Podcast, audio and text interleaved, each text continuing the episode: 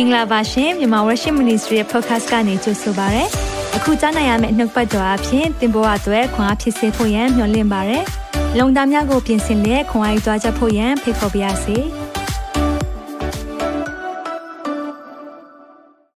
Good morning, good afternoon, good evening မလို့ရောက်စတိုင်းကိုနှုတ်ဆက်တယ်။တလမှာတစ်ကြိမ် ထုတ်လွှင့်ပေးတဲ့ prophecy update လေးဒီနေ့မှာကြားရမှာဖြစ်တယ်။ရင်ခုန်ပါသလားကျွန်တော်ပုပ္ပနမိတ်လက္ခဏာတွေကြည့်တဲ့အခါမှာတခါလီမှာစိတ်ပြက်စရာကြီးတွေလောကကြီးကကောင်းဖက်ကိုသွားတာထက်အဆိုးဖက်ကိုများပိုပြီးဥတည်နေသလားလို့မေးခွန်းနေမေးမိပါလိမ့်မယ်။ဒါကြောင့်မလို့အဲ့လိုမေးမိတယ်ဆိုရင်ဒီနေ့ဘေးကိုကြည့်တာစိတ်ပြက်ရင်အထက်ကိုကြည့်ပါလို့ဒီနေ့မှာသင်မေးခြင်းပါတယ်။ဘေးကိုကြည့်တာစိတ်ပြက်ရင် အထက်ကိုကြည့်ပါကျွန်တော်တို့အထက်အရာလို့ပြောတဲ့အခါမှာဖခင်ရဲ့ပြုလုပ်မဲ့အရာဖခင်ရဲ့အချိန်ကာလကိုစောင့်ကြည့်ဖို့လိုပါတယ်ဒါကြောင့်ဒီနေ့ယုံကြည်ပါတယ်နှုတ်ဘတ်တော်အဖြစ်ခွန်အားဖြစ်မယ်လို့ယုံကြည်တယ် prophecy update လို့ပြောတဲ့အခါမှာကျွန်တော်နိုင်ငံရေးပြောတာမဟုတ်ပါဘူးကပ္ပအခင်းချင်းဖြစ်ပျက်နေတဲ့မျက်မှောက်ကာလအခင်းချင်းတွေကတမန်ကျမ်းစာပြည့်စုံခြင်းကိုရည်ညွှန်းပါတယ်ဒါကြောင့်မလို့ရေစကြည်လဖတ်ဖူးတယ် နော်အနာဂတ်ကျမ်းတွေဖတ်ဖူးရဆိုရင်ကျွန်တော်တို့သိပါလိမ့်မယ်ဒီနေ့ဖခင်ရဲ့နှုတ်ဘတ်တော်တဖြည်းဖြည်းပြည့်စုံလာပြီဒါကိုကျွန်တော်သိဖို့လိုတယ်ဒီတမန်ကျမ်းစာရဲ့နော်ဒီတမန်ကျမ်းစာကိုကျွန်တော်တို့အပိုင်းလေးတွေခွဲလိုက်မယ်ဆိုရင်၄ပုံတစ်ပုံလောက်25%နော်တချို့ဆိုရင်တော့သုံးပုံတစ်ပုံလောက်အထိကိုတချို့ဆရာကြီးတွေကပြောတဲ့အရာပါလဲဆိုရင်တော့အနာဂတ်အကြောင်း prophecy ဆိုတာရှေ့မှာဖြစ်လာမယ့်အရာလေးတွေကိုပြောထားတာဖြစ်တယ် ဆိုတော့ဒါလေးတွေပြည့်စုံလာပြီဆိုရင်သင်သိလိုက်ပါသခင်ပြန်လာတော့မယ်အာမင်အဲကြောင့်ကျွန်တော်တို့အယံခက်ခဲလွန်းတယ်အယံချက်တဲလွန်းတယ်ကိုယ်အသက်ရှင်ခြင်းမှာဒီနေ့အများကြီးမေးခွန်းထုတ်စရာရှိလာတယ်ဆိုရင်ယုံကြည်သူတွေတယောက်နဲ့တယောက်တွေ့တဲ့အခါမှာဘယ်လိုပြောသင့်လဲဆိုရင်တော့မရာနာသာတယောက်နဲ့တယောက်တွေ့တဲ့အခါမှာမရာနာသာလို့ပြောပါ come lord jesus come quick နော်ဆိုသခင်အမြန်ပြန်လာပါရှေးယုံကြည်သူတွေကတယောက်နဲ့တွေ့တယောက်တွေ့အဲ့လိုနှုတ်ဆက်ကြတယ် သခင်အမြန်ပြန်လာပါ။ဘာကြောင့်လဲသူတို့အယံပင်ပန်းတယ်အယံခက်ခဲတယ်။ဒါကြောင့်သခင်ရဲ့ပြန်လာမယ့်အရာသူတို့တောင်းတတယ်။အာမင်။ဒါကြောင့်ဘေးကိုကြည်တာစိတ်ပြည့်ရင်လည်းအထက်ကိုကြည်ပါ။အာမင်။ဆိုတော့ဒီနေ့ကျွန်တော်တို့နှုတ်ပတ်တော်အတွက်ခဏလောက်အသက်တာကိုစကန်နိုင်အောင်။အသက်ရှင်တော်ဖျားကိုရောရဲ့နှုတ်ပတ်တော်အသက်ရှင်ပါတယ်။အသက်ရှင်တဲ့နှုတ်ပတ်တော်ကိုလည်းလေးလာခွင့်ရသလိုနှုတ်ပတ်တော်တွေပြည့်စုံခြင်းကိုလည်းတဖြည်းဖြည်းမြင်တွေ့နေရလို့ယေရှုတင်တယ် ဒီအရာမြင်တွေ့ခြင်းဟာကျွန်တော်တို့ကိုပြင်ဆင်စေခြင်းတဲ့အရာတွေကိုရောသွန်သင်တဲ့အရာတွေဖြစ်ကြောင်းကိုလည်းကျွန်တော်နားလည်ရပါတယ်ဒါကြောင့်နှလုံးသားအသီးသီးကိုကောင်းချီးပေးတယ်ကျွန်တော်ရဲ့အစီအစဉ်ကိုကောင်းချီးပေးတယ်ကျွန်တော်နှုတ်ဆက်ရှာမန်မဆိုင်ရေးဆက်ပစ္စည်းကရိယာအားလုံးကိုကောင်းချီးပေးပါ၏ဘုရားရဲ့ပါရှိခြင်းနဲ့လမ်းပြခြင်းအထူးမြင်တွေ့ရတဲ့ခွင့်ပေးပါဒီနှုတ်ပတ်တော်ပြန်လဲနားထောင်တဲ့သူတိုင်းကိုလည်းကိုရောကိုရောရဲ့ပြန်လာမဲ့နေ့ရက်ကာလနီးပြီဖြစ်ကြောင်းတာ၍နှလုံးသားထဲမှာနှိုးဆော်ပေးပါသိစေပါ ချိန်တိုင်းတသက်အားလုံးကိုလက်ဝနဲ့အနှံပါ၏ဒီပါးဒီကိုတာရမြတ်သခင်ရှုနာမ၌စက္ကန့်နဲ့ဆုတောင်းကြပါ၏ဖအာမင်အာမင်နောက်ပြီးဒီနေ့ March လအတွက်2022ရဲ့ March လအတွက် prophecy update ဖြစ်သွားပါပြီပျောက်ဆုံးနောက်ဆုံးသောကာလရဲ့တမန်ကျမ်းစာပြည့်စုံချက်များလို့ပဲခေါင်းစဉ်တက်တာပါတယ်เนาะဆိုတော့နောက်ဆုံးသောကာလတမန်ကျမ်းစာပြည့်စုံချက်တွေကျွန်တော်မြင်တွေ့နေရတယ်ဒီလိုမြင်တွေ့တဲ့အခါမှာအတင်တစ်ခုနားလည်လိုက်ပါဖခင်ရဲ့နှုတ်ပတ်တော်ဟာယုံကြည်လို့ရတယ် ဖခင်ရဲ့နှုတ်ပတ်တော်စကားဟာစိတ်ချလို့ရတယ်ဒါကိုကျွန်တော်တို့သိဖို့ဖြစ်တယ်ဆိုတော့ဒီနေ့ဘာအကြောင်းတွေပြောသွားမလဲအာဒီနေ့ပြောမယ့်အရာ၃ပိုင်းလောက်ကျွန်တော်ပြောချင်တယ်အဲ့ဒီထဲမှာအမြဲတမ်းကျွန်တော်ပြောပြောနေတဲ့အရာလေးမှတ်မိကြလားမသိဘူးစောင့်ကြည့်ရမယ့်နိုင်ငံတွေရှိတယ်နော်ကျွန်တော်တို့တမန်ကျမ်းစာအရပြောတာဖြစ်တယ်နော်စောင့်ကြည့်ရမယ့်နိုင်ငံတွေတမန်ကျမ်းစာအရရှိတယ်အဲ့ဒီနိုင်ငံတွေကိုကျွန်တော်တို့သိကြတယ်အဲကြောင့်ဒါစောင့်ကြည့်ရမယ့်နိုင်ငံတွေရဲ့ထူးခြားချက်လေးတွေကျွန်တော်ဒီနေ့မှာဆက်လက်ပြီးတော့ အာဆွေးနွေးသွားကြမယ်ဆိုတာကိုလည်းပြောပြချင်တယ်ဆိုတော့အဲ့ဒီစောင့်ကြည့်ရမယ့်နိုင်ငံတွေเนาะကျွန်တော်တို့အားလုံးသိပြီးသားဖြစ်တယ်ရုရှားဘာကြောင့်လဲဆိုတော့မာဂောကပီဟာရုရှားလို့ Bible scholar တော်တော်များများကသဘောတူကြတယ်။ဒါကြောင့်ကျွန်တော်တို့မာဂောကပီကိုကျွန်တော်လေ့လာတယ်။ Magog ပြီးရင်ပေရသိနော်ပေရသိဆိုတာကတော့အီရန်ဆိုတော့1935အထိကိုသူတို့ကဘာရှယ်လို့ခေါ်တယ်။အဲ့ဒီနောက်ပိုင်းမှာမှ အီရန်အစ္စလာမစ်နိုင်ငံဆိုပြီးတော့သူတို့ကခေါ်တာဖြစ်တယ်။နောက်ပြီးရင်တော့တူရကီနော်တောဂါမဒီရဲ့ဂေါမာဂေါဂေါမာနဲ့တောဂါမအဲ့ဒီနယ်တွေဟာတူရကီဖြစ်တယ်။နော်ဒါလေးကိုမမေ့ပါနဲ့ရုရှားရဲ့အီရန်ရဲ့တူရကီရဲ့ဒီနိုင်ငံတွေကိုကျွန်တော်တို့စောင့်ကြည့်နေတယ်။ဒီနိုင်ငံရဲ့ထူးခြားချက်တွေဟာ ဘာစစ်ပွဲကိုဥတီသွားပြီလဲဆိုတော့မြောက်ပိုင်းစစ်ပွဲเนาะအဲ့ဒီမြောက်ပိုင်းစစ်ပွဲကိုတမန်ကျမ်းစာအရဂောဂဤမန်ဂောဂစစ်ပွဲလို့ မှတ်တမ်းတင်ထားတယ်ဒီအရာကိုကျွန်တော်တို့ကအမြဲတမ်းစောင့်ကြည့်နေတာလည်းဖြစ်တယ်ဆိုတော့စောင့်ကြည့်ရမယ့်နိုင်ငံတွေရုရှားရှိတယ်ရုရှားရဲ့ထူးခြားလာချက်တွေကိုဒီတလထဲမှာတော်တော်များများတွေ့ရတယ်ဆိုတော့ရုရှားယူကရိန်းစစ်ပွဲအခုတလကျော်ပြီเนาะတလတလပြည့်သွားပြီဘာတွေထူးခြားလဲအဲ့ဒီအဲမှာမှတမန်ကျမ်းစာပြည့်စုံချက်လေးတချို့တွေတွေ့ရတယ်ဒီနေ့စောင့်ကြည့်နေတာတော့ရုရှားယူကရိန်းစစ်ပွဲမဟုတ်ဘူး နော်ကျွန်တော်စောင့်ကြည့်တာက Israel ကိုတိုက်မဲ့စစ်ပွဲကိုစောင့်ကြည့်တာဖြစ်တယ်ဒါပေမဲ့ Israel ကိုတိုက်မဲ့စစ်ပွဲကလောစင်မှာတော့နော်မဖြစ်သေးဘူးလို့မြင်ရပေမဲ့တိတ်မဝေးတော့ဘူးဆိုတာလည်းကျွန်တော်သိရတယ်ဒါကိုဒီနေ့လေ့လာသွားမယ်ဆိုတော့ဘာကြောင့်မလို့ဒီနိုင်ငံတွေစောင့်ကြည့်လဲတမန်ကျမ်းစာထဲကသွန်သင်ထားလို့ဖြစ်တယ်။ဒါကြောင့်ရေစကြည်လ38ထဲမှာတိကနေအငယ်6ကိုကျွန်တော်ဖတ်ကြည့်အောင်။ဂောဂာဤမာဂောဂာစစ်ပွဲ။တဖန်သာရဖျိုင်းနှုတ်ဘတ်တော်သည်ငါစီတို့ရောက်လာ၍အချင်းလူသား ယောရှပီမေရှက်ပီတူပူလာပီကိုအစိုးရသောမာဂောဂပီသားဂောဂမင်းတစ်ဖက်၌မျက်နှာထား၍ပရောဖက်ပြုလျက်အရှင်ထာဝရဘုရား၏အမိန့်တော်ကိုဆင့်ဆိုရမည်မှာယောရှမေရှက်တူပီလာပီတို့ကိုအစိုးရသောအိုဂောဂမင်းတစ်ဖက်၌ငါနေ၏တင့်ကိုငါပြန်လာစေမည်တင့်ပါယုတ်ကိုတန်ကျိတ်နဲ့ချိတ်ပြီးလင်တင်မဆိုင်၍ထူးဆန်းသောလက်နက်စောအမျိုးမျိုးကိုဆောင်တော်သူဒိုင်းလောပါ၍ဓာကိုဆွဲတော်သူလူအပေါင်းရင်းများနဲ့မြင့်မြင့်စီတရဲ့ ဘိုးချီအပေါင်းတို့ကိုငါဆောင်ခဲ့မည်အတီးတီးတိုင်းလွှားက၍တန်ခမောက်လုံးကိုဆောင်းသောပေရတိပိတာကုရှာပိတာဖုတပိတာဂေါမာနဲ့သူဤတက်များမြောက်ပိတာဒေါဂါမအမျိုးနဲ့သူဤတက်များအလုံးရင်အပေါင်းတို့သည်တင်နဲ့အတူလိုက်လာကြလိမ့်မည်เนาะဒီရဲ့စစ်ပွဲကိုကျွန်တော်တို့ပြောလာတာဆိုရင်တော်တော်ကြာပြီเนาะဒါမဖြစ်သေးဘူးเนาะဒါမဖြစ်သေးဘူးအားလုံးသိဖို့ဟာဖြစ်လာတော့မယ်ဖြစ်လာဖို့ရန်အတွက်အရေးအယောင်တွေအများကြီးတွေ့နေရပြီအဲကြောင့် စောင့်ကြည့်ရမယ့်နိုင်ငံတွေရှိတယ်။ဘာကြောင့်လဲလို့ပြောတဲ့အခါမှာအဲ့ဒီမှာယောရှမေရှက်ပီနော်ထူပူလာပီဆိုတဲ့အရာဆိုတော့ယောရှဆိုတဲ့အရာကတော့တချို့ကတော့ရုရှားလို့ပြောတယ်။ဒါပေမဲ့ဒီဟေဘရဲစကားထဲမှာ rosh rosh ရဲ့အဓိပ္ပာယ်ကဥကောင်းဆိုတဲ့အဓိပ္ပာယ်ဖြစ်တယ်။ဆိုတော့ခေါင်းဆောင်မဲ့သူလို့ပြောချင်တာ။ဆိုတော့ဒါကြောင့်ခေါင်းဆောင်မဲ့သူ။အမေထူးဆန်းတာကဒီရဲ့ရေစီဂျီလာ38ထဲမှာလေ့လာတဲ့အခါမှာမြောက်ဖက် far north လို့ပြောတယ်ဆိုတော့မြောက်ဖက်ခက်လန်းလန်းကနေနိုင်ငံတဲ့အဲ့လိုပြောတဲ့အခါမှာယေရုရှလင်မြို့ကနေခက်လန်းလန်းမြောက်ဖက်ကိုတဲတဲ့သွားလိုက်ရင်ဘာသွားတွေ့လဲဆိုတော့မော်စကိုကိုသွားတွေ့တယ်နော်ဆိုတော့ဒါကြောင့်မလို့ကျန်တဲ့ပုဂ္ဂိုလ်တော်တော်များများအခု prophecy scholar တော်တော်များများကဒီနော်မေရှက်တူဘူလာပီဆိုတာကတော့ရုရှားလို့ပြောနေတဲ့အရာကိုတွေ့ရတယ်။ထုံနည်း၎င်းမဲ့ပုပ္ပနမိတ်တွေ အခုဖြစ်နေတဲ့မျက်မှောက်ရေးရာတွေကြီးလိုက်တဲ့အခါမှာလေဘာသွားတွေ့လဲဆိုတော့ရုရှားရဲ့အဲသူ့ရဲ့ aggression လို့ခေါ်တာပေါ့နော်။သူသူ့ရဲ့ထူးခြားလာတဲ့အချက်လေးတွေသူ့ရဲ့တိုက်စစ်ဆင်လာတဲ့အရာလေးတွေမြင်တွေ့ရတယ်။ဆိုတော့ဒါလေးတွေမြင်တွေ့တဲ့အခါမှာကျွန်တော်တို့ကဒီရဲ့စစ်ပွဲကိုရုရှားဥဆောင်လာနိုင်တယ်လို့အများကဒါကိုပြောကြတာဖြစ်တယ်ဆိုတော့အဲ့ဒီမှာရုရှားဥဆောင်လာပြီးတော့နောက်မှာပါမဲ့နိုင်ငံလေးတွေ အတိအကျရေးထားတာရှိတယ်အဲ့ဒါအငယ်ငါးမှာတွေ့ရတယ်ပေရတိပီတာပြောရှိပါပေရတိအဲ့ဒါဘာနိုင်ငံလဲပေရတိဘာရှာအီရန်အီရန်အဲ့ဒီမှာအတိအကျရေးထားတယ်အီရန်ကုရှာပါလေနော်ကျွန်တော်ပြောနေတယ်နော်ခဏခဏပြောနေတယ်ဖူတနော်ဆိုတော့ကုရှာဆိုတာအီသီယိုးပီးယားနော်အီသီယိုးပီးယားမဟုတ်ရင်တောင်ပိုင်းဆူဒန်အဲ့ဒီဒေသတွေကိုပြောတာဖြစ်တယ်ကုရှာပြီးရင်ဖူတဖူတကလီဘီယာ လီဘီယာနိုင်ငံပြီးရင်ဂေါမာနဲ့သူဤတက်များမြောက်ပြည်သားတောဂါမဒါသည်တူရကီနိုင်ငံကိုပြောတာဖြစ်တယ်နော်တူရကီနိုင်ငံအဲ့ဒီနိုင်ငံတွေပါလာမယ်တဲ့ဆိုတော့ယေရုရှလင်မြို့ကိုလာတိုက်မယ်ဆိုတော့မြောက်ဘက်ကနေလာမယ်စစ်ပွဲဒါကြောင့်မြောက်ပိုင်းစစ်ပွဲလို့လည်းကျွန်တော်သတ်မှတ်လို့ရတယ်အဲ့တော့ဒီမြောက်ပိုင်းစစ်ပွဲထဲမှာကျွန်တော်တို့ကနားလည်ဖို့ကပါလဲဆိုရင်တော့ရုရှားဥဆောင်လာနိုင်တယ်သူ့နောက်မှာလိုက်လာတဲ့သူတွေကတော့အတိအကျရေးထားတာဒီအီရန်ပါတယ် ပြီးရင်အီသီယိုးပီးယားပါတယ်နောက်လီဗီးယားပါတယ်ပြီးရင်တော့တူရကီနိုင်ငံပါတယ်ဒါကြောင့်ကျွန်ခုနကတော့ကျွန်တော်တို့စောင့်ကြည့်ရမယ့်နိုင်ငံများဆိုတဲ့အထက်မှာဒီ၃နိုင်ငံအဓိကဖြစ်တယ်เนาะတခြားတွေလည်းပါပါသေးတယ်ဆိုတော့ဒီနေ့ဘာကြောင့်ပြောသွားမလဲဆိုတော့အဲ့ဒီရုရှားနဲ့ယူကရိန်းကိစ္စလေးထဲမှာ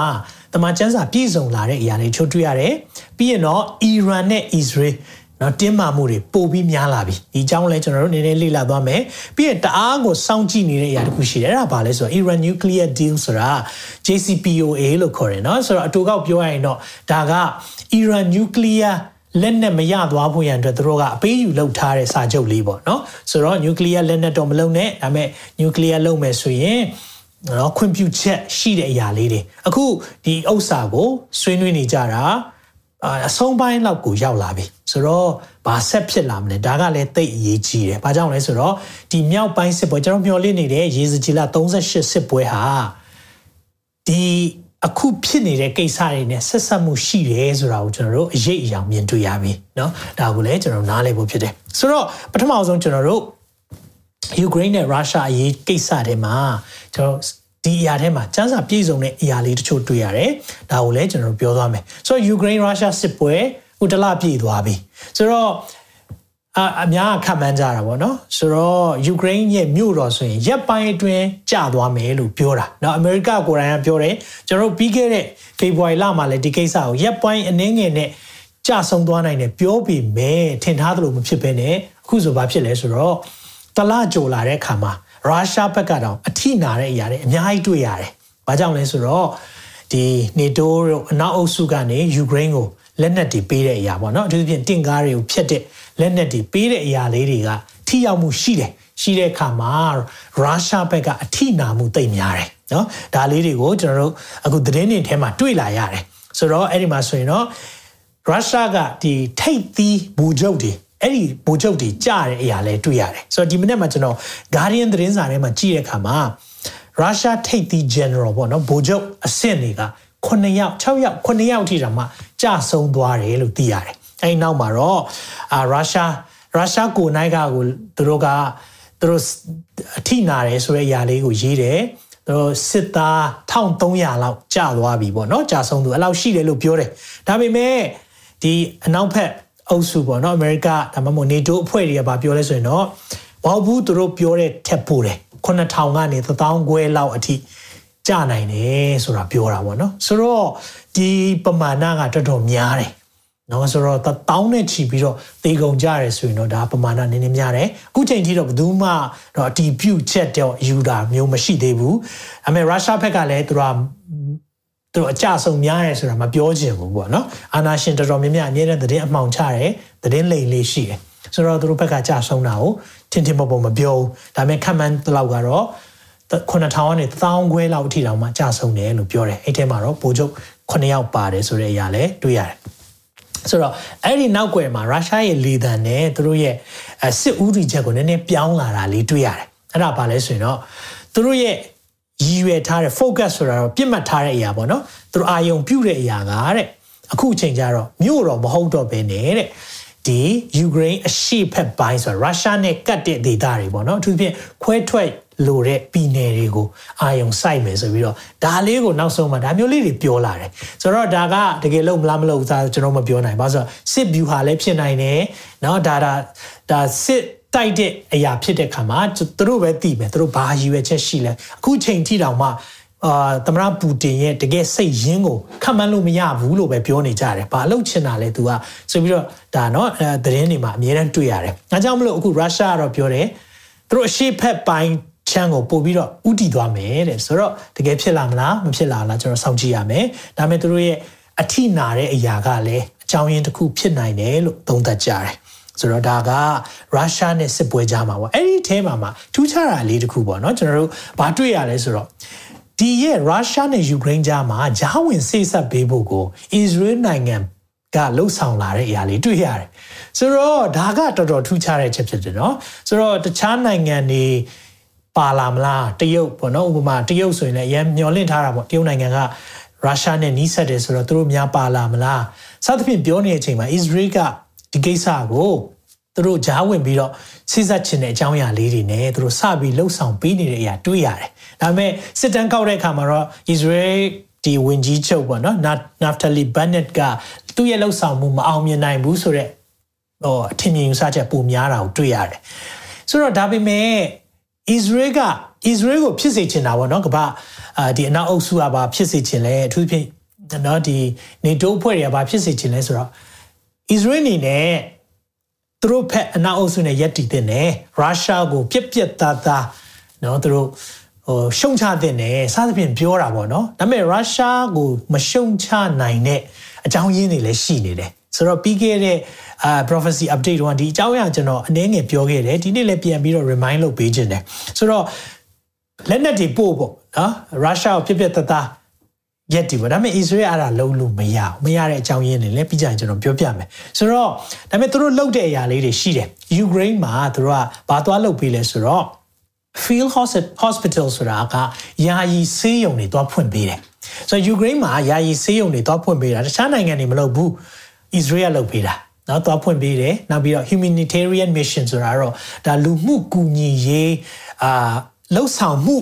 စသဖြင့်ဒါပဲသူတို့လုပ်ပေးတယ်ဒါမဲ့စစ်လက်နဲ့ထောက်ပံ့တာတို့နော်စီရေးရလုပ်တာတို့စသဖြင့်အဲ့ဓာတွေကိုတော့သူတို့ကမပြောသွားဘူးဘာလို့မလုပ်လဲဆိုတာအကြောင်းရှိတယ်။ဘာကြောင့်အကြောင်းရှိလဲဆိုတာကိုကျွန်တော်ပြကြရင်ပြောပြမယ်။ဆိုတော့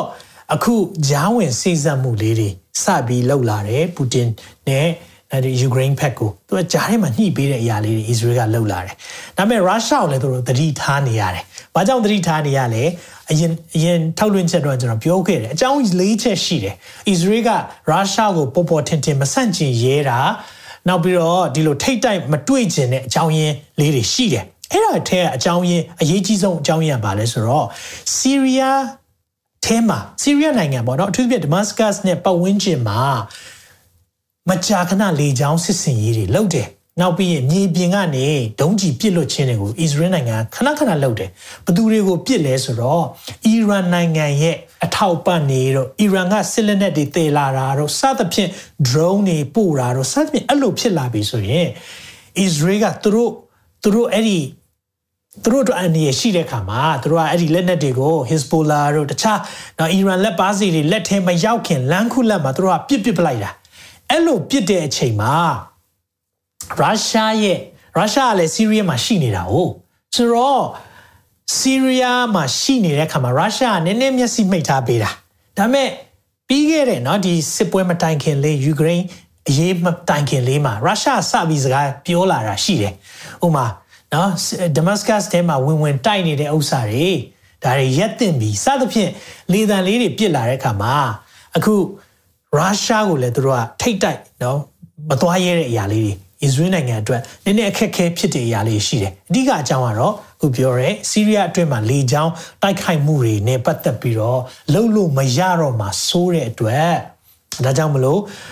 အာအစ္စရေးကနည်းနည်းဆင်ခြင်နေတာဖြစ်တယ်ဒါလေးကိုနံပါတ်1အချက်တွေ့ရတယ်နောက်တစ်ခုကတော့နော်စီးရီးယားနဲ့ရုရှားကပူးတွဲပြီးလေကြောင်းမှာကင်းလှည့်တဲ့အရာလေးတွေလည်းတွေ့ရတယ် အထူးသဖြင့်ဂိုလန်ဟိုက်တို့ဘာလို့မှာဂိုလန်ကုန်းမြင့်တို့ဘာလို့မှာဒါလေကြောင်းနဲ့တွားနေတဲ့အရာလေးတွေတွေ့တဲ့အခါမှာဘာသွားတွေ့ရလဲဆိုတော့ဆီးရီးယားထဲမှာသူတို့ဟိုဝင်ကျင်တိုင်းဝင်ထွက်ကျင်တိုင်းထွက်တိုက်ကျင်တိုင်းတိုက်အဲ့လိုပုံစံလုံးလို့မရမှာစိုးတဲ့အတွက်ရုရှားကိုလည်းနည်းနည်းနော်သူသတိထားနေရတဲ့အတိုင်းတာလေးတွေတွေ့ရတယ်ဒါဒီတစ်ချက်ပေါ့နော်ဒါဒုတိယချက်နောက်တစ်တိယချက်ကရုရှားကာကွယ်ရေးဝန်ကြီးနဲ့ဆီးရီးယားသမ္မတ တွေ့ဆုံတယ်ဒါဒီတွေ့ဆုံပွဲကတကယ်တော့ဒီယူကရိန်းမတိုင်ခင်လေးပဲယူကရိန်းကိုဝင်မတိုက်ခင်လေးပဲဖြစ်သွားတာเนาะဆိုတော့ရုရှားနဲ့ဆီးရီးယားကအရန်ကိုဘယ်လိုပြောမလဲမဟာမိတ်ပုံစံဖြစ်နေတယ်เนาะဆိုတော့မဟာမိတ်ပုံစံဖြစ်နေတာကိုကျွန်တော်တို့တွေ့ရတဲ့အခါမှာတတိထားရမယ်။ဘာကြောင့်လဲဆိုတော့ဆီးရီးယားနိုင်ငံထဲကိုသူကမကြာခဏလေကြောင်းစစ်စင်ရေးတွေလှုပ်တာလှုပ်လို့မရမှာဆိုလို့เนาะဒါလေးကိုလည်းအာသူတို့ကတတိထားတဲ့တတိယချက်ဖြစ်တယ်။နောက်ပြီးရင်ရုရှား နဲ့ပတ်ရုရှားကဒီဂိုလန်ကုန်းမြင့်ကနော်ဒါကအာအစ္စရေးနဲ့မဆိုင်ဘူးဆိုတဲ့လေသံမျိုးပြောလာတာမျိုးတွေ့လာတဲ့ကဒါနိုင်ငံရေးကစားတာလည်းဖြစ်နိုင်တယ်။အကြောင်းမလို့ခုနအာအစ္စရေးကဘာကြောင့်မလို့ပေါ်ပေါ်ထင်ထင်ကြီးရုရှားကိုမရှုံချလဲဆိုရင်ဒီအကြောင်းရင်း၄ချက်ကအဓိကဖြစ်တယ်။သူတို့ဖြင့်သူတို့ကရုရှားနဲ့ထိတ်တိုက်မတွေ့ကြဘူး။ဆီးရီးယားထဲမှာအီရန်ရဲ့ခြေချမှုတွေကိုဖျက်ဆီးချင်တာတခုပဲ။ နော်ဒါကိုသူတို့ဆက်လက်လှုပ်ဆောင်နိုင်ဖို့ရန်အတွက်ဂျားထဲမှာသူတို့ဝင်ပေးတဲ့အခါမှာလဲအဲ့ဒီအရာလေးတွေကိုသူတို့စဉ်းစားနေတယ်ဆိုတာကိုနားလည်ရတယ်နော်ဆိုတော့အစိုးရမှာအကောင်းလေးနော်အခုရုရှားနဲ့ယူကရိန်းထဲမှာဖြစ်ပျက်တဲ့အရာသိကြီးပျက်စီးမှုအယမ်းများတယ်မြို့တွေလည်းပျက်စီးသွားပြီတော်တော်များများလူနေလို့ရတဲ့အဆောက်အုံเนาะအာ85ရာခိုင်နှုန်းလောက်ကပျက်စီးနေပြီ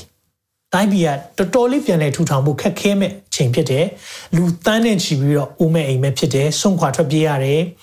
တခြားပိုလန်နိုင်ငံတို့เนาะဆိုတော့ဒီလိုမျိုးပြေးနေရတဲ့အချိန်ထဲမှာထူးခြားတဲ့အချက်လေးเนาะတမန်ကျမ်းစာပြည့်စုံတဲ့အရာလေးတစ်ခုတွေ့လိုက်ရတယ်အဲ့ဒါဘာလဲဆိုတော့တတိထားမိခြင်းမှထားမိလိမ့်မယ်ဒါပေမဲ့ကျွန်တော်တို့တွေ့လိုက်ရတဲ့အချက်ကဘာလဲဆိုတော့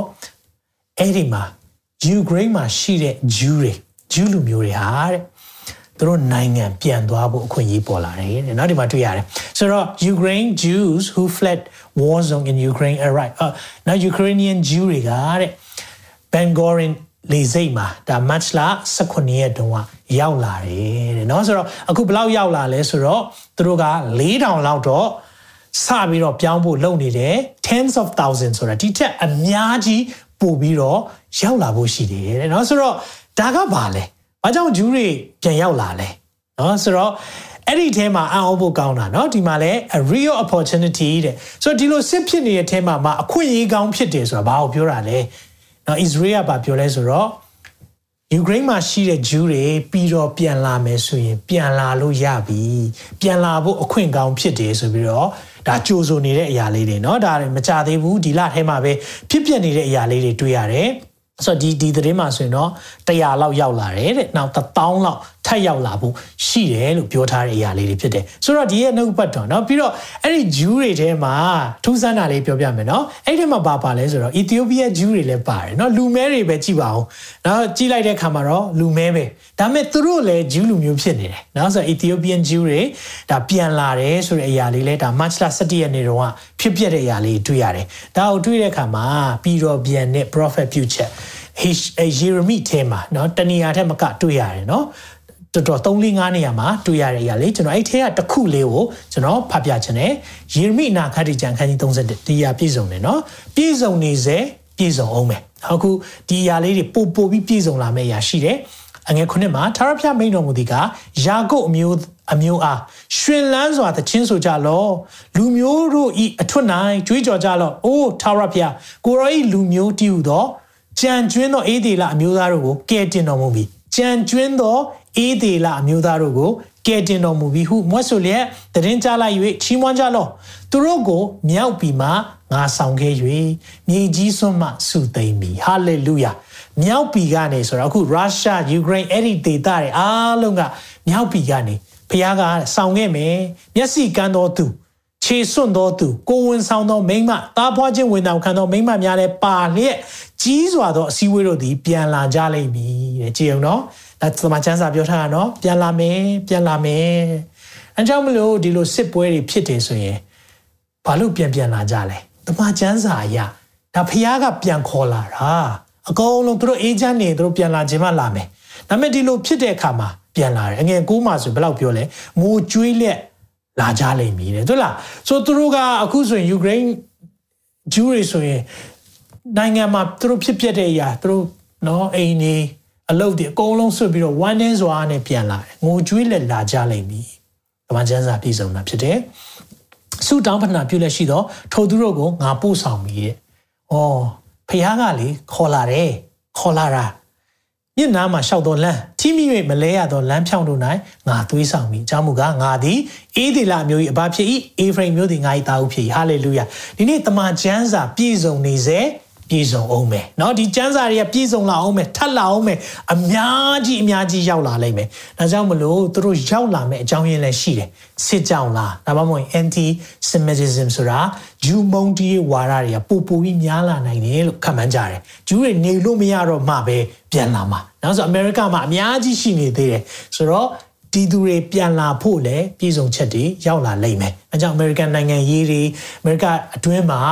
ဂျူးမုန်တီရေးတွေမှာစရပို့ပို့ပြီးတော့ဘာသာရေးနှိပ်ကွပ်မှုတွေပေါ်လာနိုင်တယ်နော်ပေါ်လာပေါ်လာမဲလို့မပြောပါဘူးပေါ်လာနိုင်တယ်ဒါကြောင့်လဲသူတို့ဟာပြောင်းလာဖို့ရန်အတွက်ဒါတမန်ကျမ်းစာပြည့်စုံတဲ့အရာတွေပြည့်စုံနေစေပြည့်စုံအောင်မယ်နော်ဒါလေးကိုတွေ့ရတယ်အဲကြောင့်မလို့အရာအားလုံးကတော့ဖခင်ရဲ့လက်ထဲမှာရှိတယ်နော်ချန်စီအားလုံးကဖခင်လက်ထဲမှာရှိတယ်ခါလေးမှာကျွန်တော်တို့ကဒီလိုစစ်ဖြစ်နော်နားမလည်နိုင်ဘူးမိခုနေအများကြီးထုတ်တယ်ဖခင်ကလည်း ဒါတွေကို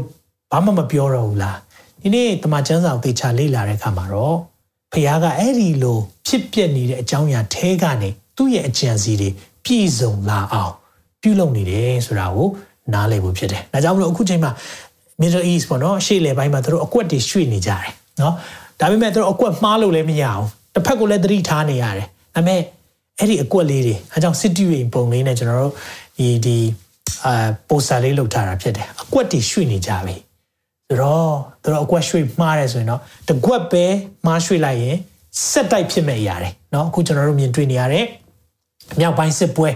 မြင်တွေ့လာမယ့်မြောက်ပိုင်းစစ်ပွဲဒါတွေကိုကျွန်တော်တို့ဆက်လက်ပြီးမြင်တွေ့ဖို့ရှိတယ်ဆက်ပြီးတော့ကြည့်ရအောင်เนาะဆိုတော့ဒါပထမပိုင်းဖြစ်တယ်နောက်အီရန်နျူကလ িয়ার အရေးကိစ္စနဲ့ပတ်သက်ပြီးတော့ကျွန်တော်နည်းနည်းပြောချင်တယ်အီရန်ကသူတို့က ဒီနျူကလ িয়ার အရေးကိစ္စကိုအိုဘားမားလက်ထက်မှာအမေရိကန်ပါဝင်ပြီးတော့ပေါ့နော် JCPOA ဆိုတာအာဒီစုပေါင်းပြီးတော့ပေါ့နော်လုံခြုံရေးကောင်စီပါတဲ့နိုင်ငံတွေရဲ့ဂျာမနီနော်ဆိုတော့အဲဒီထဲမှာ UK US ပြီးရင်ရုရှားတရုတ်နော်ပြင်သစ်ပြီးရင်တော့ဂျာမနီဒါနဲ့အီရန်နဲ့သဘောတူထားရတယ်ဆိုတော့ဘယ်လိုသဘောတူလဲဆိုတော့နျူကလ িয়ার အတွက်လက်နက်ကိုရောက်လာတဲ့အထိ နျူကလ িয়ার တပ်ပေါင်းဖို့တွေတေတာတွေစသဖြင့်မလုတ်အောင်လို့ပေါ့နော်ဆိုတော့အဲ့ဒါလုပ်မယ်ဆိုရင်စီးပွားရေးတန်ခတ်မယ်ဆိုပြီးတော့စသဖြင့်အဲ့လိုမျိုးလှုပ်ထားတဲ့အရာကအိုဘားမားလက်ထက်ကစထားတယ်အဲ့ဒီအိုဘားမားလက်ထက်တုန်းကစခဲ့တဲ့ဒီရဲ့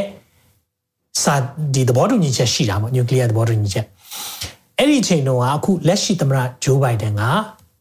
လက်ထောက်သမ္မတပေါ့နော်ဒုသမ္မတလို့ပြောပါစို့နော်ဒုသမ္မတဖြစ်နေတဲ့အချိန် တုန်းကလှုပ်ခဲ့တယ်ဒါပေမဲ့သမ္မတ Trump တက်လာတဲ့အချိန်မှာဒီသဘောတူညီစာချုပ်ကနေ US ကထွက်သွားတယ်။ဘာကြောင့်လဲဆိုတော့ဘလို့မှဒါ fair မဖြစ်ဘူးသူတို့ဘက်ကပဲဆုံးရှုံးမှုများတယ်စသဖြင့်ဒီအရာကိုသူတို့ပြောခဲ့ပြီးတော့နှုတ်ထွက်သွားတယ်ဆိုတော့ဒီသဘောတူညီမှုအထဲကိုဘိုင်ဒန်အစိုးရတက်လာတဲ့အခါမှာပြန်ဝင်ခြင်းတယ်ပြန်ဝင်ခြင်းတဲ့အခါမှာအီရန်ကသူတို့ရဲ့တောင်းဆိုတဲ့အရာတွေအများကြီးရှိတယ် နော်ဒီသဘောတူညီချက်မှာပြန်လာမယ်ဆိုရင်နော်သူတို့လှုပ်ပေးရမယ်လှုပ်ပေးရမယ်ပြောတဲ့အထဲမှာအရေးကြီးတဲ့အချက်လေးတစ်ခုပါတယ်အဲ့ဒါပါလဲဆိုရင်တော့အီရန်ကနေ Islamic တော်လှန်ရေးပြည်ဆောင်တပ်ဆိုတာရှိတယ်နော် Islamic Revolutionary Guard Corps ဆိုတာရှိတယ်အဲ့ဒါအတူကောက် IRGC လို့ခေါ်တယ်အဲ့ဒီအဖွဲ့ကဘာလဲဆိုတော့ကျွန်တော်အရင်ရှင်းပြမယ်အဲ့ဒီအဖွဲ့ကသူကလွန်ခဲ့တဲ့နှစ်ပေါင်း40လောက်ကလေးကစထားတာဆိုတော့သူတို့ကဒီ အီရန်တော်လှန်ရေးကာလကတည်းကနေစရှိလာတဲ့အဖွဲ့အဖွဲ့ဖြစ်ပြီးတော့သူတို့ကနော်အင်အားလဲများတယ်နော်ဒီမှာဆိုရင်ဘယ်လောက်ထိတောင်ရေးထားလဲဆိုတော့နှစ်သိန်းနီးပါးလောက်ရှိတယ်နော်သသိန်း9000လောက်ရှိတယ်ဆိုတော့ active personal ဆိုတာအဲ့ဒီအဖွဲ့ထဲမှာနှစ်သိန်းလောက်တက်တက်တာတွေရှိတယ်သူတို့ကထူးခြားတာနော်ဒါအီရန်ရဲ့ဒီပုံမှန်စစ်တပ်မဟုတ်ဘူးသူတို့ကအထူးတပ်ဖွဲ့ပေါ့နော်ဒါပီပီတော်ဆောင်နော်ဒါဟိုပီဆောင်တပ်ဆိုတာနော် นาะတော်လန်ရေးပီဆောင်တပ်ဆိုပြီးတတ်တတ်လက်ရွေးစင်ထားတဲ့အဖွဲ့ဖြစ်တယ်ဆိုတော့သူတို့ကဘသူ့ကိုပဲသတင်းပို့ရလဲဆိုတော့သူတို့ကသမရကိုသတင်းမပို့အီရန်ရဲ့เนาะဒီဒီပုဂ္ဂိုလ်ကအီရန်ရဲ့ supreme leader လို့ခေါ်တယ်အီရန်ရဲ့ထိပ်သီးခေါင်းဆောင်သူ့သဘောပဲသူက yes ဆိုရင်အကုန် yes သူက no ဆိုရင်အကုန် no ဆိုတော့ ayatollah khamenei လို့ခေါ်တယ်เนาะဒီပုဂ္ဂိုလ်ဟာအီရန်ရဲ့သူကကြီးဆုံးပဲ သူပြောရင်အကုန်လုံးရတယ်ဆိုတော့သူ့ရဲ့လက်ပါစီတက်လို့ပြောလို့ရတယ်เนาะခုနကတော့ပြည်ဆောင်ပြည်ဆောင်တက်ကဆိုတော့အီရန်ကဘာတောင်းဆိုလဲဆိုတော့ဒီရဲ့လက်ပါစီတက်ကို blacklist ဆိုတာဒီ American ကထုတ်ထားတဲ့ဟာရှိတယ်။ဘာလဲဆိုတော့ terrorist ဆိုတာကနော်အကြမ်းဖက်အဖွဲ့အနေနဲ့သတ်မှတ်ထားတာ။အဲ့ဒီသတ်မှတ်ထားတဲ့အရာကနေတဲ့ ဒီတပ်ဖွဲ့ကိုနာမည်ကိုဖျက်ပေးရမယ်။ဒါတော့အဲ့ဒါကိုအီရန်ဘက်ကတောင်းဆိုတယ်နော်။ဆိုတော့ဒီကိစ္စကပြဿနာအရန်ရှိတဲ့အရာရှိတယ်။ဘာလဲဆိုတာကိုကျွန်တော်တို့ကြည့်ရအောင်။ဒီပြည်ဆောင်တပ်ကအီရန်ရဲ့ Islamic တော်လှန်ရေးပြည်ဆောင်တပ်ကဘလောက်ဆွမ်းလဲဆိုရင်သူတို့ကအီရန်ရဲ့ missile ဆိုတာဒုံးကျည် program တွေပေါ့နော်ဒုံးကျည်ပစ်လွတ်တာတော့ဒုံးကျည်နဲ့ဆိုင်တဲ့အရာအားလုံးကသူတို့လက်အောက်မှာရှိတယ်သူတို့ထိန်းချုပ်ထားတယ်သူတို့ထိန်းချုပ်ထားတယ် ပြီးတော့သူတို့ဘာလုပ်လို့ရှိလဲဆိုတော့သူတို့ကဒီလက်ပါစီတွေကိုအမြဲတမ်း training ပေးတာပါဥမာ Hezbollah တို့နော် Houthi တို့နော်အဲ့လိုမျိုးနော် Hamas တို့သူတို့ကထောက်ထောက်ပံ့ကြီးတွေလောက်ကင်နေတဲ့ဟာအားလုံးကိုကူညီတဲ့အဖွဲ့အစည်းဖြစ်တယ်လို့မကြာခဏလဲသူတို့ကအကြမ်းဖက်မှုတွေလုပ်တယ်ပြီးခဲ့တဲ့ရက်ပိုင်းကပဲเนาะဒါပြီးခဲ့တဲ့မကြာသေးခင်သတင်းပတ်ထဲမှာဘာဖြစ်သွားလဲဆိုရင်တော့ဒါက Iraq Northern Iraq ဆိုတာ Iraq မြောက်ပိုင်းမှာရှိတဲ့ Iraq မြောက်ပိုင်းမှာရှိတဲ့နေရာပေါ့နော်အဲ့ဒီနေရာက US ရဲ့ America ရဲ့စစ်ကောင်စီရုံးအနားမှာဆိုတော့အဲ့ဒီနေရာကိုသူတို့လှမ်းပစ်တယ်ဒုံးကြီးနဲ့ဆိုတော့ခါတိုင်းဆိုရင်တော့သူတို့ကလက်ပါစီတွေကနေပစ်တယ်ဒါပေမဲ့ဒီတစ်ခေါက်ကျတာထူးခြားတာကအီရန်ထဲကနေကိုပစ်တာဆိုတော့အခုချိန်မှာစဉ်းစားကြည့်နော်နျူကလ িয়ার အရေးကိစ္စသဘောတူညီချက်ကိုသဘောတူဖို့လုပ်နေတာ ဆိုတော့အဲ့ဒီသဘောတူညီချက်ကလည်းအရန်အောက်ဖို့ကောင်းတာပါလဲဆိုတော့အီရန်ကပြောတယ်အမေရိကနဲ့တခန်းထဲမှာမဆွေးနွေးဘူးတဲ့ဆိုတော့အမေရိကဟိုးဖက်တခြားအခန်းမှာသွားနေရတာသူတို့ဆွေးနွေးတာကရုရှားတရုတ်ဆိုတော့ဘလို့ဖြစ်နေလဲဆိုတော့ယူကရိန်းကိစ္စမှာကြတော့ရုရှားကိုအကြီးကျယ်အမေရိကပြောနေတယ်ရုရှားကစစ်ရာဇဝတ်မှုတွေကျူးလွန်နေเนาะနောက်ပြီးရင်လူမျိုးတုံးတပ်ဖြတ်မှုတွေစသဖြင့်သူတို့ပြောနေတာရှိပြီးတော့ အီရန်ရဲ့နျူကလ িয়ার ကိစ္စမှာကြတော့ရုရှားနဲ့တရုတ်ကသူတို့ကိုစားကိုဂျားဝင်ဆိတ်ဆက်ပြီးတော့ဆွေးနွေးပေးနေရတယ်စဉ်းစားကြည့်နော်နိုင်ငံရေးကိုပြောပါတယ်။ညောက်ဒါတွေကိုမြင်တွေ့နေတဲ့အခါကျတော့အမေရိကရဲ့ဘိုင်ဒန်အစိုးရဘလောက်အထိအားနည်းတယ်လဲဘလောက်အထိမျက်နှာပြက်စရာဖြစ်လဲဆိုတာတွေ့ရတယ်။နော်ဆိုတော့အခုချိန်မှာ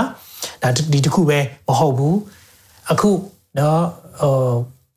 အကုန်လုံး villain တွေပြောပါစို့เนาะဆိုတော့မြောက်ကိုရီးယားလည်းဒုံးကျည်စမ်းတက်တယ်ဟိုနေ့ကเนาะခက်တီတီပဲမကြောက်ဘူးတရုတ်ကလည်းထိုင်ဝမ်ဘက်ကိုလေရင်ပြန်တမ်းမှုတွေเนาะစစ်လေရင်တွေပြန်လာတော့နောက်ပြီးရင်အခုဆိုရင်လည်းဒီစစ်ကောင်စစ်ဝန်ယုံပေါ့เนาะအမေရိကရဲ့စစ်ကောင်စစ်ဝန်ယုံဘက်ကိုပြစ်တာဒါပေမဲ့သူတို့ဘာမှမလုပ်ရဲဘူးဖြစ်တယ်ဆိုတော့ဒီအချိန်ကတော့ရုရှားတို့เนาะတရုတ်တို့ မြောက်ကိုရီးယားတို့အီရန်တို့အတွက်အခွင့်အရေးပဲသူတို့ကဒီအချိန်မှာကြမ်းကျင်နိုင်ကြမ်းလို့ရတဲ့အခြေအနေဖြစ်တယ်။ဘာကြောင့်လဲ။အမေရိကရဲ့ရက်တီချက်ကအရန်ကိုနိုင်ငံတကာစာမျက်နှာမှာအားနည်းနေတယ်။နော်ဒါကိုတွေ့ရတယ်။ဘာကြောင့်လဲ။ရှင်းနေတာပဲနော်ဆိုတော့ခေါင်းဆောင်နဲ့ဆိုင်တယ်။ဆိုတော့ဒီအရာတွေကိုကျွန်တော်တွေ့တဲ့အခါမှာချိန်တည်းမှာပဲဓမ္မကျမ်းစာပြည့်စုံဖို့လဲအကြောင်းရင်းတွေဖြစ်လာတယ်။ နော်အဲကြောင့်ဓမ္မကျမ်းစာပြည့်စုံတဲ့အကြောင်းရင်းတွေကျွန်တော်တို့စပြီးမြင်တွေ့နေရပြီမြင်တွေ့နေရတဲ့အချိန်မှာအခုချိန်မှာဒီရဲ့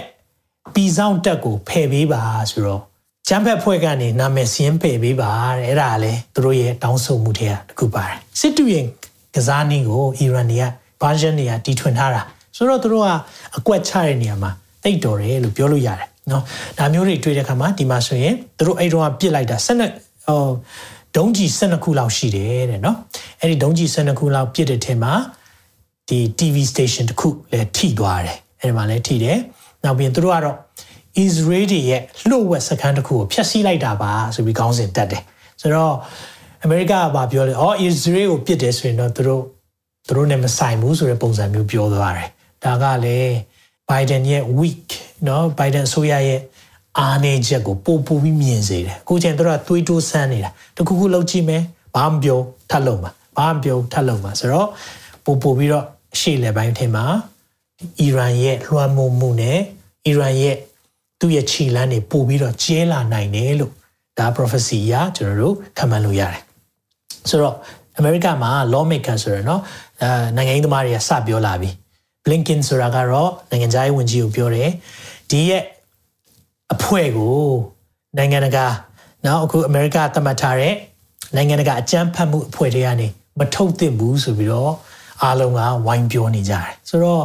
သူတို့ကဘာလုပ်မှာဒီဒီရဲ့စာချုပ်အရဆိုရင်အမေရိကဘက်ကအကျိုးဘာမှမရှိဘူးเนาะပြောမယ်ဆိုရင်ဒါပေမဲ့သူတို့က unilateral လို့ခေါ်တယ်သူတို့ဘက်ကပဲသဘောတူတူပြီးတော့လုပ်ပေးနေတာဟိုဘက်ကပြန်လုပ်ရမယ့်အရာတွေကိုသူတို့ကသိပြီးတော့ထည့်မတွက်ဘူးပေါ့နော်ဒါမျိုးလေးလည်းတွေ့ရတယ်ဆိုတော့ အဲကြောင့်မလို့တဲ့အခုနောက်ဆုံးမှာတော့ဗာတွေ့ရလဲဆို Iran nuclear deal နဲ့ပတ်သက်ပြီးတော့ US ကအမေရိကကတိတ်ပြီးတော့ optimist ဆိုတာ optimistic ဆိုတာတော့အကောင်းဖက်သိမမြင်တော့ဘူးဆိုတဲ့ပုံစံတော့အစပြောလာတယ်ဆိုတော့အစကတည်းကဒီရဲ့စာသဘောတူညီချက်ကကောင်းတာမဟုတ်ဘူးเนาะအမြဲတမ်းအထိနာဖို့ပဲရှိတယ်ဆိုတော့အခုချိန်မှာဘာဖြစ်လာနိုင်လဲဟောဒီရဲ့သဘောတူညီချက်ရသွားရင်တော့စီးပွားရေးပိတ်ဆို့မှုတွေရှော့ချရမယ်ကိုကဘာဖြစ်လာဆိုတော့ အီရန်ရဲ့စီလဲလို့တယ်လို့ဖြစ်တယ်เนาะဆိုတော့ဆိုတော့ရုရှားရဲ့စီမီယူတော့လို့ပြောတဲ့အခါမှာအခု UAE တို့ Saudi တို့သူတို့ဆီကနေစီအများကြီးထုတ်စေချင်တယ်။ဘာလို့ဆိုကမ္ဘာမှာစီလိုတာဟုတ်နော်။ဆိုတော့ဒါမျိုးတွေဖြစ်လာပြန်တော့လေအခုချိန်မှာဘိုင်ဒန်ကဟိုတနေ့ကပဲအာ sorry ကနေ ပြန်ပြီးယူထားတဲ့ဒီဟိုပါပေါ့အဲဒုံးလက်နဲ့ဘယ်လိုပြောမလဲကာကွယ်ရေးเนาะဆိုတော့အဲ့ဒီကာကွယ်ပေးတဲ့ ဒုံးကြီးဒုံးဒုံးခွင်းဒုံးပေါ့နော်စနစ်အဲ့ဒါကိုပြန်သွားထားပေးတယ်ဆိုတာလည်းသိရတယ်ဆိုတော့ရင်တော့သူတက်လာတဲ့အချိန်မှာ Saudi Arabia မှာလိုတဲ့ဟာကိုဖယ်ပလိုက်တယ်နော်ဖယ်လိုက်တယ်သူ Trump နဲ့ Saudi ကနီးဆက်တာကိုသူမကြိုက်ဘူးဒါပေမဲ့အခုချိန်ကျတော့ Saudi ရဲ့အကူအညီပြန်လို့ပြန်ရောစီလိုလာပြီလေ give what we want i give you what you want ပေါ့နော်မင်းလိုတာငါပေးမယ်ငါလိုတာမင်းပေးဆိုတဲ့ပုံစံမျိုးဒါနိုင်ငံကစားတဲ့အရာလေးတွေတွေ့ရဆိုတော့ဒါမျိုးလေးတွေတွေ့တဲ့အခါမှာတော့နေရာတိုင်းကိုကြည့်တဲ့အခါမှာ အာကျွန်တော်အခုချိန်မှာအရှိလေပိုင်းထဲမှာပို့ပို့ပြီးတော့ဆိုးသွားတဲ့အလားအလာလေးကိုဦးတည်လာတာတွေ့ရတယ်ဒီလိုဖြစ်လို့မျောလင်းချက်မရှိတော့ဘူးလားမျောလင်းချက်ရှိတယ်အခုဒီအရာတွေပြောတဲ့အခါမှာစိတ်သက်ကြဖို့စိတ်ပြတ်ဖို့ပြောတာလုံးဝမဟုတ်ဘူးခြောက်တာလည်းမဟုတ်ဘူးဒီနေ့တမချန်းစာထဲမှာကျွန်တော်သိတဲ့အတိုင်းပဲကျွန်တော်ကအဆုံးသက်ကိုသိနေတာအောင်နော်အဆုံးသက်ကိုသိပြီးသားလေ အဆုံးသက်ကိုသိနေခြင်းကအခုလက်ရှိအခြေအနေတွေကိုရင်ဆိုင်သွားဖို့ခွန်အားဖြစ်စေတယ်အာမင်အဆုံးသက်ဘာဖြစ်မလဲဆိုတာသိနေခြင်းကအခုလက်ရှိအခြေအနေကိုရင်ဆိုင်သွားဖို့ခွန်အားဖြစ်စေတယ်အဲကြောင့်ဒီနေ့ဂေါကမင်းရဲ့ဇက်သိန်းကိုလည်းပြောပြမယ်နော်ဆိုတော့အခုဣသရေလကိုလာတိုက်မဲ့ နိုင်ငံတွေဘလို့ဖြစ်မလဲအဲ့ဒီယေဇကြီးလာ38ထဲမှာဗာပြောလဲဆိုတော့အငယ်ဆက်လေးမှာတို့ပြည့်၍အချင်းလူသား prophet ပြည့်၍ရှင်သာရဖတ်အမိန့်တော်ကိုဂေါကအားဆင့်ဆိုရမည်မှာဂေါကမင်းကိုပြောလိုက်ပါတဲ့ငိုင်းအေးဒီလာလူအမျိုးသားတို့သည်ငြိမ်ဝတ်စွာနေသောအခါ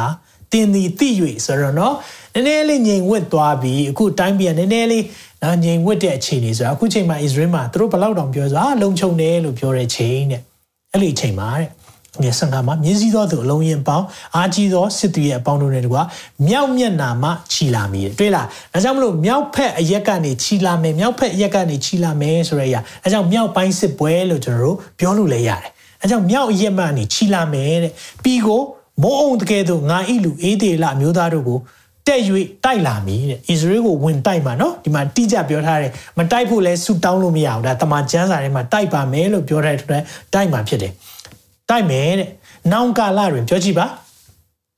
နောင်ကာလတွင်အဲ့ဒီနောင်ကာလဆိုတာနောက်ဆုံးသောကာလကိုအမြဲတမ်းပြောတဲ့စကားတစ်ခုဖြစ်တယ်ဒီလိုနောင်ကာလမှာเนาะအာအဲ့ဒီเนาะအချိန်ကာလကိုပြောတာဒီလိုမျိုးဒီစစ်ပွဲကမဖြစ်သေးဘူးဘာလို့လဲဆိုတော့နောက်ဆုံးသောကာလမှာဖြစ်မဲ့အရာကိုပြောတာငါဤပြီတစ်ဖက်နိုင်တင့်ကိုငါဆောင်ခဲ့ပြီမဟုတ်လို့အကြောင်းမူကားအဲ့မှာပြောပြီးအိုးကောက နော်ဆိုတော့ဒါကဣသရေလကိုလာတိုက်မဲ့ခေါင်းဆောင်ကိုပြောလိုက်တာဖြစ်တယ်လူမျိုးမျိုးတို့မျက်မှောက်၌သင်အားဖြင့်ငါသည်ချီးမြှောက်ရာသို့ရောက်သောအခါသင်တို့သည်ငါကိုတည်ရကြမည်ဟုအကြောင်းဒီဟာလေလုယာတည်ရကြမည်အကြောင်းဒီဒီနေ့ပြောလိုက်တဲ့အရာသင်အားဖြင့်ဆိုတာလာတိုက်တဲ့သူတွေเนาะအခုလာတိုက်မဲ့သူတွေငါဒီချီးမြှောက်ရလို့ရဆိုဖခင်ကဒီနေ့အဲ့ဒီတရားကိုသိချင်းအပြင်ဖခင်ကကူမမှာ အမေရိကကူမှာမဟုတ်နေတိုးကအစ္စရေးကိုကူမှာမဟုတ်ဘူးသိထားဖို့ကနော်အစ္စရေးတွေကိုကူမဲ့သူရှိတယ်အဲ့ဒါကသာရဘုရားဖြစ်တယ်အဲ့ဒီမှာပြောထားတယ်ဘလို့ကူမလဲရေစီချေလာ38ငွေ20မှာငါသည်ကာလနာဘေးပြောကြည့်ပါကာလနာဘေးအသေးသက်ခြင်းဘေးအပြင် သူ့ကိုတံပေးမိတယ်เนาะဆိုတော့လာတိုက်မဲ့သူတွေကိုဖះဘလို့ကကွယ်မတံပေးမယ်သူနှစ်ပါလာသောတက်များအလုံးရင်းများအပေါ်၌လွှမ်းမိုးသောမိုးရေကြီးသောမိုးသည်ကန့်နှင့်ရောသောမိုးမီးမိုးကိုရွာစေမည်တဲ့ဆိုတော့ဒီမှာဖះကသူဘလို့ကူမမလဲဆိုတာကိုလည်းအတိအကျပြောထားတယ်ရေတွေမိုးသီးတွေဆိုတာဒါ supernatural natural ပေါ့နော်ပြောမယ်ဆိုရင်တဘာဝဘေးနဲ့ဆိုတော့ဒါတွေနဲ့ဘုရားကကူမယ်တဲ့ထို့သောငါသည် ကိုကိုချီးမြှောက်၍ယိုသေးပွဲသောဂုံလက္ခဏာတို့ကိုပြလျက်ဘုရားကသူ့တကူပြမှာအဲ့လိုပြရင်တဲ့များစွာသောလူမျိုးတို့ရှင်မှာထင်ရှားသောအခါငါသည်သာရဖျားဖြစ်ကြောင်းကိုသင်တို့သိရကြလိမ့်မည်ပြောကြည့်ပါငါသည်သာရဖျားဖြစ်ကြောင်းကိုသင်တို့သိရကြလိမ့်မည်ဘုရားအပြစ်ပြောထားပြီးသားဒါကြောင့်မလို့ယေစီကြီးလားစစ်ပွဲဘလို့ဖြစ်လာမလဲဆရာဖျားကင်ပါလိမ့်မယ်မစိုးရိမ်နဲ့ဒါကြောင့်အဆုံးသက်မှာဘာဖြစ်မလဲဆိုတော့ကျွန်တော်သိတဲ့အခါမှာကျွန်တော်မပူဒါပေမဲ့အော်မှုကောင်းတယ် လူတွေကလေအထူးဖြင့်နိုင်ငံရေးသမားတွေက spiritual blindness ဆိုတော့ဝိညာဉ်ထဲမှာအယံကိုမျက်စိကွယ်နေသူတို့ကျမ်းစာထဲမှာပဲရေးထားတာပဲဒါပေမဲ့သူတို့မသိဘူးခုအေးဒီလာနော်ဂျူးခေါင်းဆောင်နေနော်ဣသရေလခေါင်းဆောင်နေသိလားဟိုယေဇလီချစစ်အကြောင်းသူတို့သိတာပေါ့ဒါပေမဲ့သူတို့အဲ့လိုမျိုးဆက်ဆက်ပြီးနားမလဲ spiritual blindness ဝိညာဉ်ရေးမှာကွယ်နေတာ America တွေလည်းထုံနေလောက်မယ် spiritual blindness ခါလေးမှာစဉ်းစားကြည့်ဘယ်လိုမျိုးစဉ်းစားပြီးတော့လှုပ်တာလဲလို့ဒီခါလေးမှာနေမင်းခွန်းထုတ်တဲ့ချိန်များရှိတယ်အာဖဂန်လိုနိုင်ငံကနေကြီးကျယ်စစ်လက်နက်တွေဘီလီယံနဲ့ချီထားခဲ့ပြီးထွက်လာတယ်အဲ့ကစတာပဲကိုအုံလုံးကပြီးတော့ခုနလိုအီရန် Islamic တော်လိုင်းရေးပြည်ဆောင်တက်ကို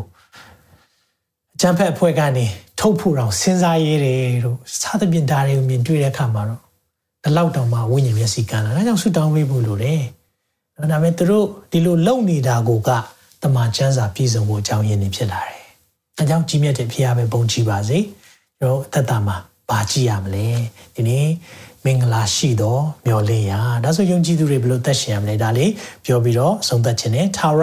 ငြိမ်းချမ်းတာယာမှုเนาะသာရငြိမ်းချမ်းတာယာမှု သခင်အုပ်ဆိုးတဲ့ကာလကြရင်ဘယ်လိုဘယ်လိုဖြစ်လာမလဲဒီမှာပြောထားပါတယ်ဟေရှာယအနာဂတ်ကျမ်းခန်းကြီးနှစ်ထဲမှာသာရငြိမ်းချမ်းတာယာမှုဆိုတာကျွန်တော်ထားဖို့မျှော်လင့်တယ်။ဘာကြောင့်လဲယူရပီနဲ့ယေရုရှလင်မြို့ကိုဤဆောင်၍အာမုတ်ဤသာဟေရှာယခံရသောဗျာဒိတ်တော်အချက်ဟုမူကားနောက်ဆုံးသောကာလ၌ ထာဝရဘုရားအိမ်တော်သည်တီအိမ်တော်တေသောတောင်သည်ဆိုတာဇီးအောင်တောင်တနည်းအားဖြင့်ယေရုရှလင်မြို့ကိုပြောတယ်တောင်ကြီးတောင်ငယ်တို့ဤတောင်ပေါ်မှာချီးမြှောက်၍တည်လိမ့်မည်ခတ်သိမ်းသောလူမျိုးတွေသည်ထိုတောင်တို့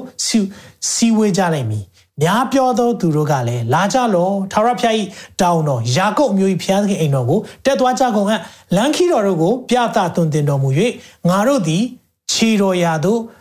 လိုက်သွားကြမည်ဟုခီးသွားလက်ပြောဆိုကြလိမ့်မည်တရားတော်သည်ဇီးုံတောင်မှ၎င်းထာဝရဘုရား၏နှုတ်ပတ်တော်သည်ယေရုရှလင်မြို့မှ၎င်းပေါ်ထွက်လိမ့်မည်ဟာလေလုယာဒါဖခင်ရဲ့ဂရုတော်ဖြစ်တယ်နော်အာမင်ပေးပါအာမင်ထာဝရဘုရားသည်လူမျိုးတို့တွင်တရားစီရင်၍များပြားသောလူတို့ကိုဆုံးမတော်မူသဖြင့်သူတို့ ဓာလက်နဲ့များကိုထွန်သွားဖြစ်စေခြင်းက၎င်းလှံများကိုဒဇင်းဖြစ်စေခြင်းက၎င်းထူးလောက်ကြလိမ့်မည်တပီကိုတပီစစ်မတိုက်စစ်တပ်ကိုလည်းနောက်တစ်ဖက်မတင်ရကြဘယ်ချိန်လဲသာရဘုရားအုပ်ချုပ်မဲ့ချိန် Prince of Peace ညီသက်ခြင်းအရှင်အုပ်ဆိုးမဲ့အချိန်မှာ ကြုံရမယ့်အရာတွေဘလောက်ကောင်းလဲအာမင်ဒါကိုကျွန်တော်တို့ကမျှော်ကြည့်ဖို့ဖြစ်တယ်။အိုးယာကုပ်မျိုးသားတို့လာကြလို့သာရဖျား၏အလင်းတော်၌ကျင်လေကြကုန်အာအာမင်ကြီးမြတ်တဲ့ဖျားရှင်နာမတော်တာ၏ဘုန်းကြီးပါစေ။ဒီရဲ့ဂတိရှိထားတယ်ဒီကျမ်းတမန်ကျမ်းစာလည်းပြည့်စုံအောင်ပါအာမင်အားလုံးကယေရုရှလင်မြို့မှာလာပြီးတော့ကိုးကွယ်ကြမယ်အဲ့ဒီချိန်ရောက်လာမယ်ယေရှုကိုကိုးကွယ်ရမယ့်ချိန်အာမင် အဲ့ချိန်ကျရင်စစ်တိုက်ဖို့မရှိလို့စစ်လက်တဲ့တွေတောင်မှနော်လေယာသုံးပစ္စည်းတွေလုတ်ပလိုက်ရတယ်အဲ့ဒီကာလလည်းရှိသေးတယ်ဒါကြောင့်ကျွန်တော်ဘာစိုးရိမ်တာလဲဘာမှမစိုးရိမ်နဲ့မိတ်ဆွေအခုဖြစ်နေတဲ့အရာတွေဘေးကိုကြည့်တာစိတ်ပြက်မိမှာပဲအထက်ကိုကြည့်ပါဟာလေလုယာအာမင်အကြောင်းမိတ်ဆွေကိုမိခွန်းတစ်ခုမေးခြင်းတယ်တင်းသခင်ကိုသိပြီလားတင်းတမန်ကျမ်းစာထဲကပြည့်စုံချက်ကိုသင်ကြားတဲ့အခါမှာတင်းဘဝအတွက်အာမခံချက်ရှိပြီလား ဒီနေ့မရှိသေးဘူးဆိုရင်တော့ဒီနေ့ဟာကဲ့တင်ရနေဖြစ်တယ်အဖြစ်နောင်တရပါသခင်ယေရှုကိုလက်ခံပါသင်အဲ့လိုလက်ခံတယ်ဆိုရင်တော့သင်ဘဝမှာအာမခံချက်ရှိတယ်သခင်အုပ်ဆိုးတဲ့ကာလရောက်တာတဲ့ခါမှာသင်ဟာလည်းအဲ့ဒီကာလထဲမှာဝင်စားရမယ်သူဖြစ်လိမ့်မယ်အာမင်အကြောင်းကျွန်တော်တို့အသက်တာကိုဆင်ခြင်ရအောင်သင်ဒီညမှာအသက်ဆုံးရှုံးသွားမယ်ဒီနေ့မှာအသက်ဆုံးရှုံးသွားမယ်ဆိုရင်သင်ဝိညာဉ်ဟာဘယ်သွားမလဲဆိုတာသေချာပေါက်သိပြီလား ကျွန်တော်တို့မှာဝိညာဉ်ရှိတယ်အဲ့ဒီဝိညာဉ်ကဘယ်တော့မှမသေးဆုံးဘူးလူသားကိုခန္ဓာကညီမှုန့်နဲ့လှုပ်ထားလို့ညီမှုန့်ပြန်သွားရမယ်ဒါမဲ့သင်ရဲ့ဝိညာဉ်ကသွားမဲ့နေရာနှစ်နေရာရှိတယ်ပျက်စီးမဲ့နေရာနဲ့ကောင်းကင်နိုင်ငံအဲ့သခင်ယေရှုကိုရထားတဲ့သူကတော့ပျက်စီးမဲ့နေရာသွားစရာမလိုဘူးသူပြင်ဆင်ထားတဲ့ကောင်းကင်နိုင်ငံကိုသွားရမှာ။နောက်ပြီးဆိုဒီနေ့မေးခွန်းမေးခြင်းနဲ့ဒီအရာတွေ ကျွန်တော်နိုင်ငံရေးပြောနေတာမဟုတ်နိုင်ငံတော်အကြောင်းပြောပြနေတာဒီတမန်ကျမ်းစာထဲမှာအတိအကျပြောထားပြီးသားဖြစ်တယ်ပြည့်ကိုပြည့်စုံလာတဲ့အရာတွေဖြစ်တယ်အကြောင်းမလို့ယုံကြည်လို့ရတယ်တမန်ကျမ်းစာ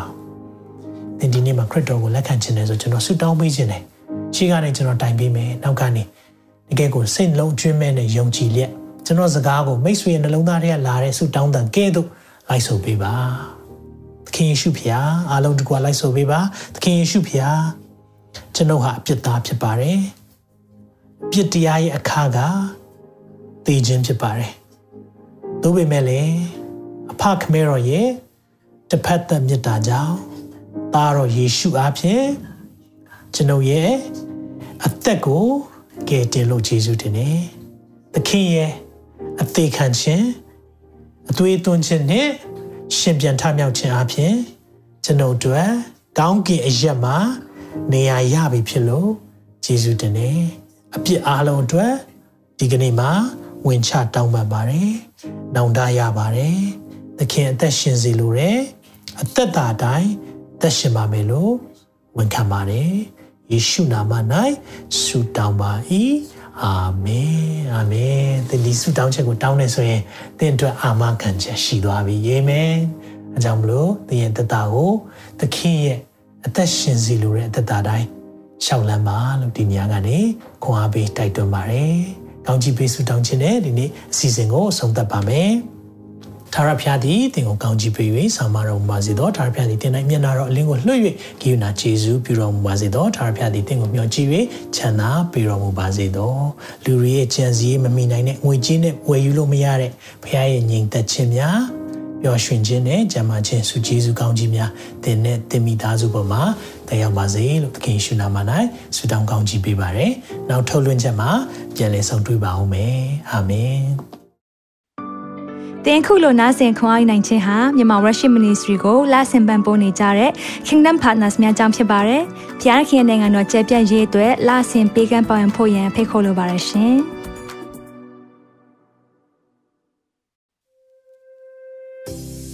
ခုကြားနာခဲ့ရတဲ့နှုတ်ပတ်တော်အဖြစ်ခွန်အားရရှိမဲ့လို့ယုံကြည်မျှော်လင့်ပါတယ်။ခွန်အားရဆိုလို့ရှိရင်ဒီတစ်ပတ်နဲ့ပြန်လည်ဝေမျှပေးဖို့ရန်တောင်းဆိုပါရစေ။မြန်မာ Worship Ministry ရဲ့ website myanmarworship.com ကိုလည်းလာရောက်လေ့လာဖို့ရန်တွဲဖိတ်ခေါ်ချင်ပါတယ်။တချိန်ထဲမှာမြန်မာ Worship Ministry ရဲ့ social media platform များဖြစ်တဲ့မြန်မာ Worship YouTube Channel, မြန်မာ Worship Facebook page နဲ့မြန်မာ Worship Instagram များကိုလည်းလာရောက်လေ့လာဖို့ရန်တွဲဖိတ်ခေါ်ချင်ပါတယ်။နောက်တစ်ချိန်မှာပြန်လည်ဆုံတွေ့ကြပါစို့။ဖျားရှင်ကောင်းကြီးပေးပါစေ။